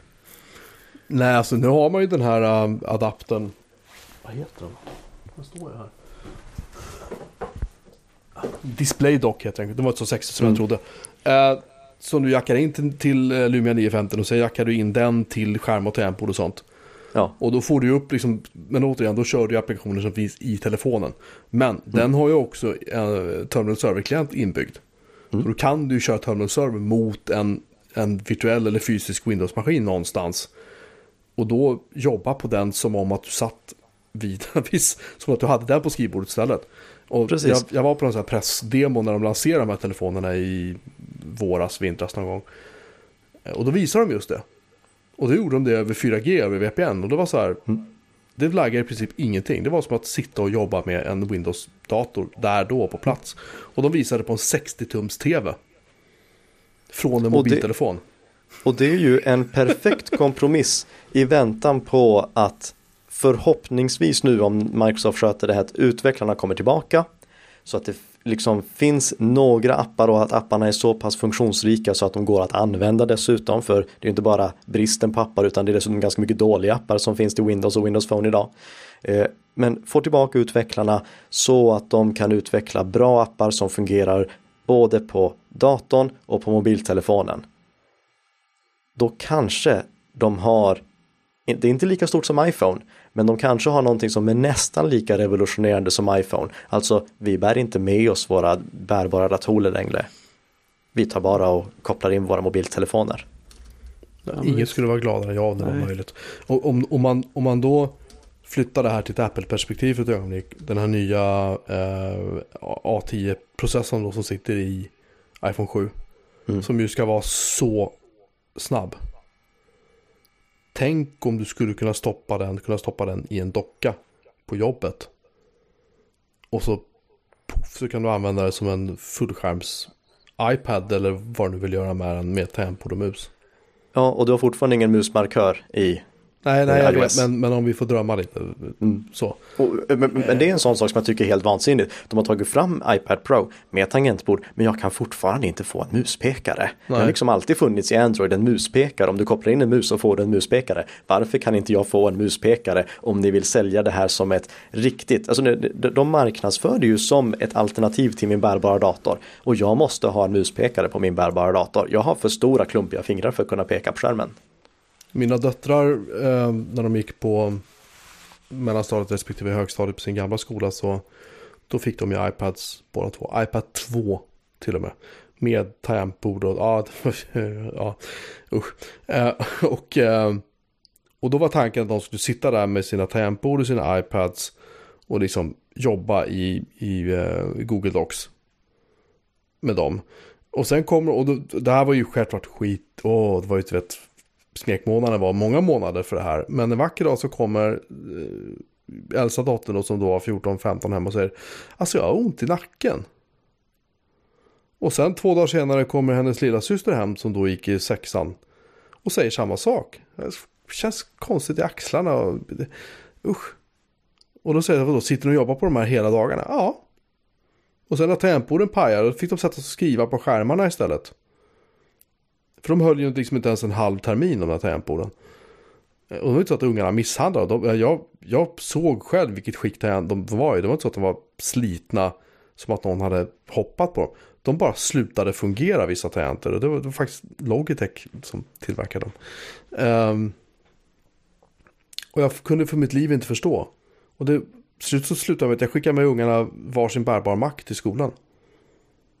Det var bättre ironiskt nog, och sitta med notebooken och sitta med någon, en, en iPad som... Det går inte att jobba heltid på en iPad, alltså det, det bara går inte. För varje gång du måste lyfta armen upp mot skärmen för att peta. Det, det är vansinne. Men det här är Apples vision av hur datorn ska se ut i framtiden. De har sagt det i princip rakt ut i reklamfilmen, de har sagt det rakt ut många gånger. Tim Cook har sagt det flera gånger. Han säger att det här är framtiden inom datorer. Liksom. Det, är här vi sitter, det är hit vi är på väg. Ja, precis. Då Och det skrämmer mig. sånt på något Det sätt. skrämmer mig. Ja, ja. Jo, det måste det vara. För det skrämmer mig, det skrämmer mig helt vettlös. Uh, lyckligtvis så behöver- har jag faktiskt ett val. Jag kan köra Windows istället. Och jag tror, jag, jag tror att Apple, om de drar det så långt som jag tyvärr tror att de kan komma att göra sig om en fem års, tio års period. De kommer att skjuta sig själva i foten. För att folk, alltså nästa, nästa, nästa generation. Alltså mina söner som är fyra och sex bast. Eh, där är ju Apple ute i skolorna i USA och de försöker trycka ner iPads i halsen på ungarna. För att de ska lära sig att det här är datorplattformen. Det är så här en dator ser ut. Och by the way, här kan ni också lära er att hacka lite Swift liksom. På era iPads som ni har i skolan. Och de försöker på något sätt sätta det här som en de facto standard lite grann för ungarna. Så att de är- är redo och vana sen när de blir äldre. Eh, och om det då är deras sätt att säga att det här är framtidens datorplattform. Jag vet inte, men det skrämmer mig ganska mycket också. För att, liksom, jag vet inte, skulle ni kunna jobba hela dagarna på en iPad? Någon av er? Jag har försökt eh, och eh, det funkar så länge som du är inställd på att nu ska jag jobba på en iPad. Ja. Och när du har eh, insett att det är inte roligt att jobba på iPaden förutom just faktumet att jag har bestämt mig för att jag ska göra det. Då slutar du göra det. Du bet ihop i en, en stund. Helt enkelt. Ja. Det, det, det började med att eh, jag, jag, jag skrev eh, faktiskt ganska många artiklar på min iPad. Eh, och sen så installerade jag en RDP-klient så att jag fick Windows på, på min iPad. Eh, och någon dag senare sen så, nej, det, jag sätter mig vid min Windows-dator igen. Lite effektivare. Skippa Ja. några mellansteg. Mm, verkligen. Det är sämre än att inte ha en muspekare och köra allt med fingrarna är väl att styra en muspekare med fingrarna. Ja, eh, men det var faktiskt lite effektivare. Det, Så det var det. Alltså, jag, jag kunde ju göra mer. Eh, nu, man får ju tänka på att många av de programmen jag använder förutsätter att jag ska ha sjukt hög precision. Alltså typ Ja, affärsprogram och sånt där man ska liksom packa ut listor och se leveranshistorik och sånt. Och att, att pricka det med eh, bara eh, själva pekfingret, det var inte så lätt. Så då var det bra med en RDP-klient där man kunde använda hela skärmen också som en, eh, en mus och flytta musmarkören. Ah, det är Ehm, så. Men eh, det hängde ju inte med sen till resten av iOS utan Nej. det var ju bara inne i RDP-klienten. Precis. Annan, annan kul grej med det här med muspekare på, på Android att jag faktiskt har sett, jag såg någon för bara några veckor sedan ha en mus inkopplad till sin telefon och använda den. Det kändes Mm. väldigt, väldigt skumt. Jag var jättenyfiken på vad anledningen var. Coolt. Men det, det, det, det har jag ofta haft i min eh, Android-surfplatta. Ja men surfplatta känns ju lite, men sådär, det var en kille som satt på en restaurang och väntade på sin mat. Så hade, hade med sig en mus så på bordet och satt och använde det till sin telefon. Men det, det kanske var så enkelt att digitizen i skärmen hade slutat funka. Mm, det kan ju vara så, för, för det hörde jag ja, en vecka efter det från någon helt annan person som hade haft en kompis som hade tappat sin telefon i marken så här på midsommar och så, så hade den spräckts och så, ja okej, jag har, har ingen annan grej på hela helgen att använda så här. Det funkar ju bakom, en pekning funkar inte. Nej, men jag har en mus här med, med typ en adapter eller två emellan också. Men nu, nu kan Ja. jag svara. Koppla in musen, klicka och dra på svara i ikonen. Det funkar. Mycket praktiskt. Ja, det är skönt att ha något att falla tillbaka på. Är det som iPhonens där äh, läget man har för de som är handikappade på ett eller annat sätt. Ja, att just de det. får, vad heter det? Det finns ju ett gäng olika Ja, där, grejer. ja, precis. För om, om, man, eh, har, om man är döv exempelvis. Eller om man är, du vet, har synproblem. Ja, så. precis. E- Eller kan även lägga till om man stör sig på alla dessa in och utzoomningar och transparenta saker som finns i iOS 10. Då är det väldigt skönt att som jag kunna bara gå in och stänga av allt det. Inga parallaxeffekter, inga transparenta saker och väldigt mycket färre animeringar. Ja, och inga lasrar heller i Och inga lasrar, nej precis. Tack och lov för det. Ja, det, det, det har ju tyvärr blivit ett problem för mig. Eh, För jag har rantat ganska mycket om att ja, ni hade väl kunnat göra något roligare med iOS 10 än att liksom släppa en ny app som har stöd för att man kan skicka fyrverkerier. Ja. Vad tror ni alla mina kollegor skickar till mig? Då är det ganska bra att ha det avslaget. Tack så mycket, det, jag vill inte ha fler fyrverkerier nu. Ja, men det, var, det, var, det var kul i tio minuter kanske. Jag vet Jag skulle nog säga uppåt 15. Alltså, Ja, faktiskt. Ja, det var ju lite roligt sen när man, när man eh, inte har det på också. Någon de här små beskrivningstexterna istället. De tycker jag är roliga. Då påminner man om text-tv för folk med nedsatt hörsel. Det knackar på dörren. Skickat med lasrar. Ja, mycket bra, mycket bra. Ja, nej, men det, det, och det är samma sak. Jag kan känna lite grann samma sak med iOS 10 som jag gör med MacOS också. Det, här, det, det är för mycket. Det blir för plott. Alltså, har ni tänkt på det när man sitter med iOS 10 på en iPhone? Att man, om man råkar bara råkar swipa åt något håll. Så kommer någonting bara så här.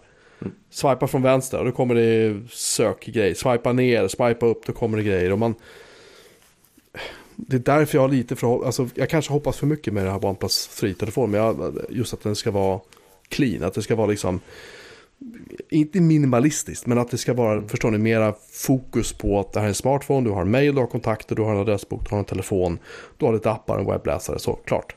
Färdigt liksom. Det behöver inte vara massa, det behöver inte vara som ett Nöjesfält. liksom, nöjesfält i fickan liksom, kan jag känna. Och det är det lite grann jag gillar med Windows på telefonen, att det är ganska clean. Ja. Så. Det, det är cleant men de har ibland skalat av det så mycket att det har blivit ologiskt. Ah, ja, det, det håller jag Eh. absolut med om. Det håller absolut med om. Eh, för man- man märker att de har tänkt okej vi ska inte ha någonting eh, utöver det som absolut måste synas. Men så okej den här knappen hade varit bra om den hade synts istället för att den dök upp när jag tryckte där och sen där. Ja, just det. Eh, Sån. det, det, de- de har gömt lite för många saker bakom lite ologiska ställen för att det ska vara så avskalat. Eh, Nu ska det för övrigt tilläggas att jag inte har använt eh, Windows Phone 10 i den skarpa versionen. Jag har bara använt betaversionen så det kan hända att det har förbättrats. De har ju... En sak jag stör på jättemycket i Windows 10 i telefonen är... Du vet, om man ska säga att du tar upp ett adresskort på en, på en person. Mm. Och namnet får inte plats högst upp. Då står det så här. Karl Emil... Punkt, punkt, punkt, punkt. Eller Fredrik Björ... Punkt, punkt, punkt, punkt. Alltså, och de gör så även med menylval. Med... Alltså många sådana grejer. Just när det är ru- rubriker som är lite för långa. Då kör de jättestora typsnitt. Ja, det, Och så, det och så, är och så faktiskt... punkt, punkt, punkt. För att, okej, det- konceptuellt är det ju skitsnyggt. Men i praktiken är det ju värdelöst liksom. Så man måste känna sin telefon ganska väl för att känna att man liksom hittar Ja, nej, men det, det var ett tag där Microsoft bara hade bestämt sig för okej, nu ska vi ha de största rubrikerna någon någonsin har sett. Just det. Och när vi har tagit den största typsnittet vi kunde få plats med, då tar vi ännu lite, lite, lite större, bara så att det verkligen ska synas. Vi får bara plats med två bokstäver, men rubriken är stor och det är snyggt typsnitt. Det är lite, Apple har kommit ikapp nu i iTunes och Apple Music. De, de är inte i takt riktigt. Jag faktiskt eh, inte öpp- jag, jag, jag har sluppit att öppna iTunes på senare tid. Vilket jag är glad för. Det, Jag återställde en eh, backup från hårddisken. ja, just det, förlåt. Det stämmer inte. Jag var, fick ju återställa min iPhone när jag uppdaterade den. Ja, det var det Men det gjorde jag i och för sig i Windows, så det, det kanske inte är uppdaterat där till det nya. Ehm, nej, det, det borde väl kanske vara för sig. Jag har inte ens installerat iTunes på min PC. Aldrig. Jag har installerat iCloud-synken. Jaha, man jag kan göra den separat. Så. Mm. Ja, ja, ja. Eh, iCloud, iCloud-synken har jag ju inte var, vågat röra överhuvudtaget med tanke på hur bra iCloud funkade för mig i Mac. Ja, men det, men det, det funkar faktiskt riktigt bra. Jag får ner bokmärken och den kan synka upp eh, bilder och så till uh, iCloud-foto om jag skulle vilja det, vilket jag inte använder, för jag använder Flickr nu för tiden. Eh, Typ sådana saker. Det, det funkar faktiskt grymt bra. Ja.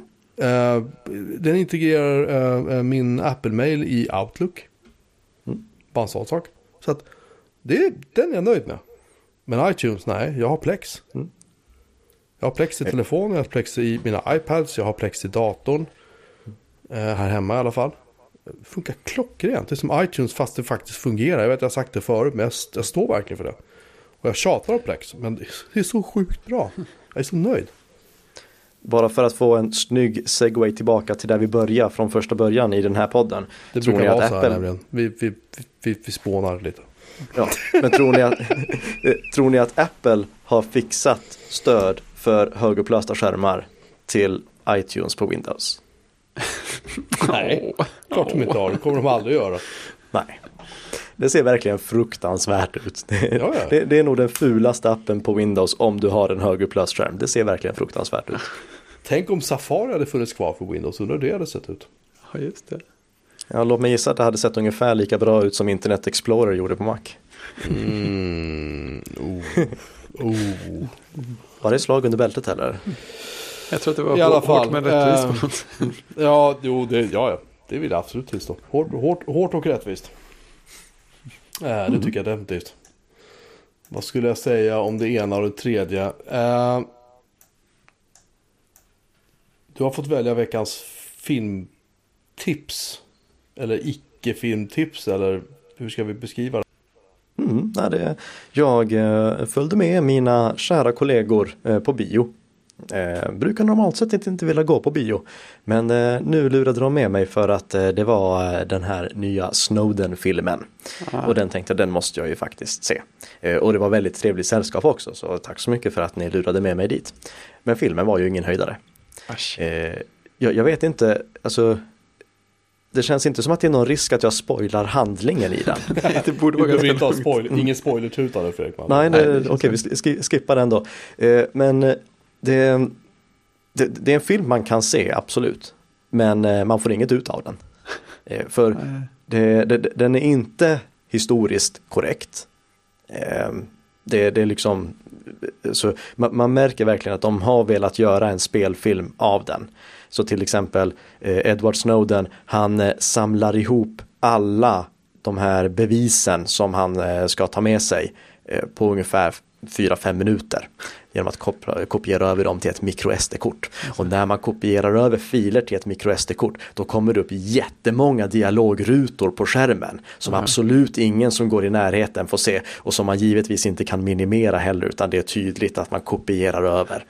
Eh, och, Okej, jag, jag förstår att man gör det på det sättet eh, för att man ska liksom få en, en spelfilm utav det och det ska bli lite action i det hela. Men eh, alltså det, det, det, det höll inte riktigt. Det, man man kände, ni har tagit för mycket frihet i den här berättelsen för att göra en häftig film av det. Eh, de har lagt in en kärlekshistoria som är helt okej kärlekshistoria. Den, kanske stämmer, det vet jag inte. Eh, men eh,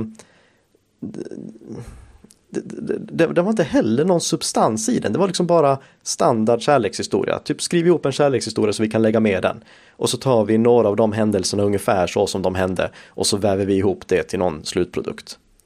Och om det var någonting som den här filmen gav så skulle jag väl säga att man får eh, väldigt eh, sympati för Edward Snowden. Så om det var målet med den, då är det en bra film. Men om målet var att det skulle berätta någonting om det som hände, då var det inte en bra film. Och om man ville ha en bra story, då var det inte heller en bra film. Det låter lite som att det inte är en film för den som har, har lite för mycket koll på vad som faktiskt har hänt och tycker att det är intressant och viktigt. Nej, absolut inte. Eh, då, då ska man istället se Citizen 4 och det, det, den kan jag varmt rekommendera. Har ni sett den? Nej, Nej, eh, den ligger på SVT Play fortfarande. Ah. Eh, så eh, kolla på Citizen 4. Det är alltså dokumentären som man spelade in med Edward Snowden på riktigt. Det, Ah. det är inte någon häftig action i den. Nej. Men det är liksom om ni vill se hela Edward Snowden-processen så ska ni definitivt kolla på Citizen 4 och passa på att göra det innan den försvinner från SVT Play. Ja. Eh, så eh, se hellre Citizen 4 än eh, filmen Snowden. Eh, det låter lite grann som att när de gjorde Social Network och eh, Jobs ja just det. filmen Mm. att de har tagit sig vissa kreativa friheter eller vad det brukar kallas för. Ja. För att liksom sådär spicea upp handlingen lite. Så att säga. Men jag tyckte Ja. det funkar ganska bra i Social Network. Ja, Ja, den, verkar, den verkar de flesta vara överens om. Så här, oavsett Ja. hur mycket man vet om omständigheterna, att, det- att den ändå ger någon slags, att det funkar bra. Men eh, Sorkins film däremot. Eh, jag, hade, det, var kanske jag som hade för höga förhoppningar på Sorkins film om Jobs. So- Sorkin skrev manus i Social Network också. Ja, Det gjorde han säkert. Ja, det gjorde han. Ja, om inte missminner då- mig. Då, då, då blir det bra att jag förtydligar att eh, jag pratar inte om Social Network nu utan Nej. om eh, Sorkins film om Jobs. Ja. Jag hade jättehöga förväntningar på den och den var inte bra. Nej, det var, nej. Nej, vi, vi pratade väl om det för en Ja, det vi. typ 300 300 avsnitt sedan tror jag. Där, vi, där vi tog typ all heder av Jobs-filmen just för att den var... Jag, jag, tyckte, jag tyckte... Nu avbröt jag alla, men jag tyckte att, att den som konceptuellt fungerade inte bra. Handlingen, eh, manuset var inte bra. Eh, skådespelarna var De var väl överlag bra, ja. bra. Men som, som, som när vi pratade om det sist, det var ju så här. Eh, det rimliga är att varje gång Job ska stå och ha en stor prestation så står kvinnan han har barn med, Steve Wozniak och sen någon annan och skriker på honom i princip ja, och vill ha hans uppmärksamhet. Minuter innan han ska upp på scen. Det är precis som att de aldrig någonsin skulle kunna träffa honom annars. Nej, precis. Eller, jag vet inte. Ja. Eh, Alltså, nej. Det känns Det- så otroligt uppdiktat och så otroligt konstigt och arrangerat så att Ja, och samtidigt som man- de skulle ösa in massa fakta, detaljer hela tiden också, som att det skulle hjälpa. B- Bara Ja, verkligen nej. koncentrera in allting på tre stycken event. Mm. Och jag, jag kan tänka mig att idén var säkert bra från första början. För det, det var ju, jag, Ja, jag känner ju inte till någon annan film om en person där man har tagit det här greppet att liksom plocka ut tre stycken event ur personens liv och koncentrera filmen kring det. Nej, men precis. Det Eh. finns ju bra idéer över, överallt. Men kort och gott, det funkar inte. Nej. Det blev inte ett bra Nej. manus av det. Nej, det var ju inte det. Nej, det, det, jag tror även om, även om det hade haft ett bättre manus utifrån den modellen som de av, använder sig av nu för den här filmen så hade det inte blivit en bra film. Tror jag. Nej. Utan jag tror att, jag tror att redan där på det stadiet så var, var det en, en, en misslyckad konstruktion. Att, också så här liksom. Så här, jag ska, jag ska bygga iPod eller åt dig, säger han i princip. Alltså, alltså, alla vet ju att det där inte stämmer. Ja, Och, och sen, menar, hans fru som han har, som han fick han tre, fyra barn med liksom. Nämns ju knappt. Alltså massa, massa, massa sådana grejer som bara. Det är ju liksom viktigare på något sätt med att produkterna han lanserade än han som person liksom. Och att han grälar mycket. Ja, Ja, jag, tycker, Det- jag, tycker det är, ja, jag tycker det är djupt olycklig och dålig film. Liksom. Och precis som, precis som ni säger, jag, var, jag hade sådana otroliga förväntningar på den här filmen. Alltså riktigt, jag var så, så, så sugen på den här filmen när Mm. den kom. Eh, och liksom bra skådisar och man tänkte man såg Danny Boyle skulle regissera och du vet Sorkin manus. Jag älskar ju eh, West Wing, alltså Vita huset som det heter på svenska. Nej, det, S- Sorkin brukar vara kvalitetsstämpel men eh, den här gången gick det. Man kan inte göra rätt alla gånger. Det, det går inte. Nej, och sen, sen Mm. kan jag tycka att det är lite löjligt när han i efterhand då ska stå liksom och så här försvara det faktum att han faktiskt inte riktigt haft koll på vad han höll på med liksom. Jag kan tycka det är lite, Mm. ja, lustigt. Sådär. Men kort och gott Snowden-filmen. Eh, jag tror inte att eh, målgruppen för den här podden uppskattar den. Eh, men jag tror däremot att målgruppen för den här podden uppskattar Citizen 4. Ja. Väl rutet. Vad händer annars på, på Kjell Company då? Eh, just nu så eh, vill eh, vår kvällsrondväktare ha kontakt med mig. Han har stått utanför mitt kontor nu i en timme den stackaren. Eh, så jag ska snart eh, prata med honom vad eh, han vill. Eh, imorgon så drar jag vidare till eh, Stockholm faktiskt. Jag ska på eh, ska säga Techworld arrangerar eh, Next Generation Threats, eh, deras årliga konferens om eh, eh, datasäkerhet och vilka de kommande hoten inom eh, säkerhets eh, eller vad som händer inom säkerhetsbranschen för att skydda sig mot de nya hoten. Och det brukar alltid vara väldigt intressant så Ja. det, det ser jag fram emot. Jag, jag instämmer. Jag, jag har varit där två år. Mm. Det var, det var Kommer du imorgon? Nej. Nej. Det passade inte riktigt ihop. Men som sagt, det brukar vara väldigt trevligt. Jag gillar det där diskussionsformatet när talarna kan vara med och prata med varandra också. Ja, det, verkligen. Och, och det, det gör, eh, vi, vi kan ju bara säga kort och gott, uh, det, keynote-talarna de håller först ett eh, anförande och så går de sen av scen och sätter sig i green room. Och alla talarna är personer som har otroligt bra koll på det som händer inom säkerhetsindustrin. Men sen så får de andra som sitter i green room och antingen har pratat eller ska prata eh, ställa frågor till den som precis har talat och kommentera det som han eller hon har sagt. Och, och det gör att det, liksom, det, det stärks det som han eller hon har berättat för man vet okej okay, de där hängde med på det också. Då ligger det någonting i det. För många andra sådana här event som jag går på där är det väldigt mycket ja det där köper jag inte riktigt. Det där har du hittat på på något ställe eller det där är bara säljsnack. Det där är inte någonting som stämmer på riktigt. Eh, men här får de, det, är ett väldigt bra format så är man intresserad av datasäkerhet så tycker jag definitivt att man ska gå på det och den reklamen tror jag att vi bjuder Techworld på. eh, nej, så, så eh, det, ser jag fram emot och sen så drar jag vidare till New York för att gå på den här Makermässan och sen eh, är det dags för Google-event och då är jag inte hos Google utan det, då får jag sitta hemma med mina kära kollegor. Så ska vi äta gott och kanske skåla i champagne också om det visar sig att det blir någonting riktigt häftigt som Google lanserar. Vi håller tummarna. Det låter körigt där. Körigt liv tycker jag. Mm.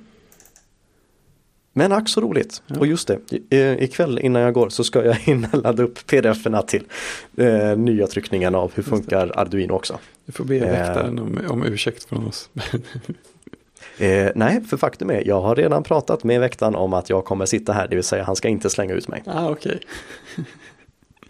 kan vi inte, kan vi inte, um, kan vi inte låta ut den där boken? Någon... Hur funkar Arduino? Ja, nej, hur funkade boken, den här stora som ni gör? Mm. Jag, jag, jag, har ett ännu bättre förslag, för hur funkade boken nu ja. är från i fjol. Så det, den är lite gammal nu. lite, jag håller på... Don't buy på Macrumors. Ja. så jag, jag, håller på att uppdatera, det kommer en ny alldeles strax. Men det vi däremot har det är vårt nya eh, Kom igång med Arduino-kit. Som oh. består dels av eh, boken Hur funkar Arduino?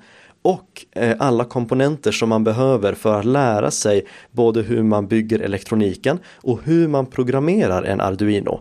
Och den tycker jag ju definitivt att vi ska tävla ut. Cool. Absolut.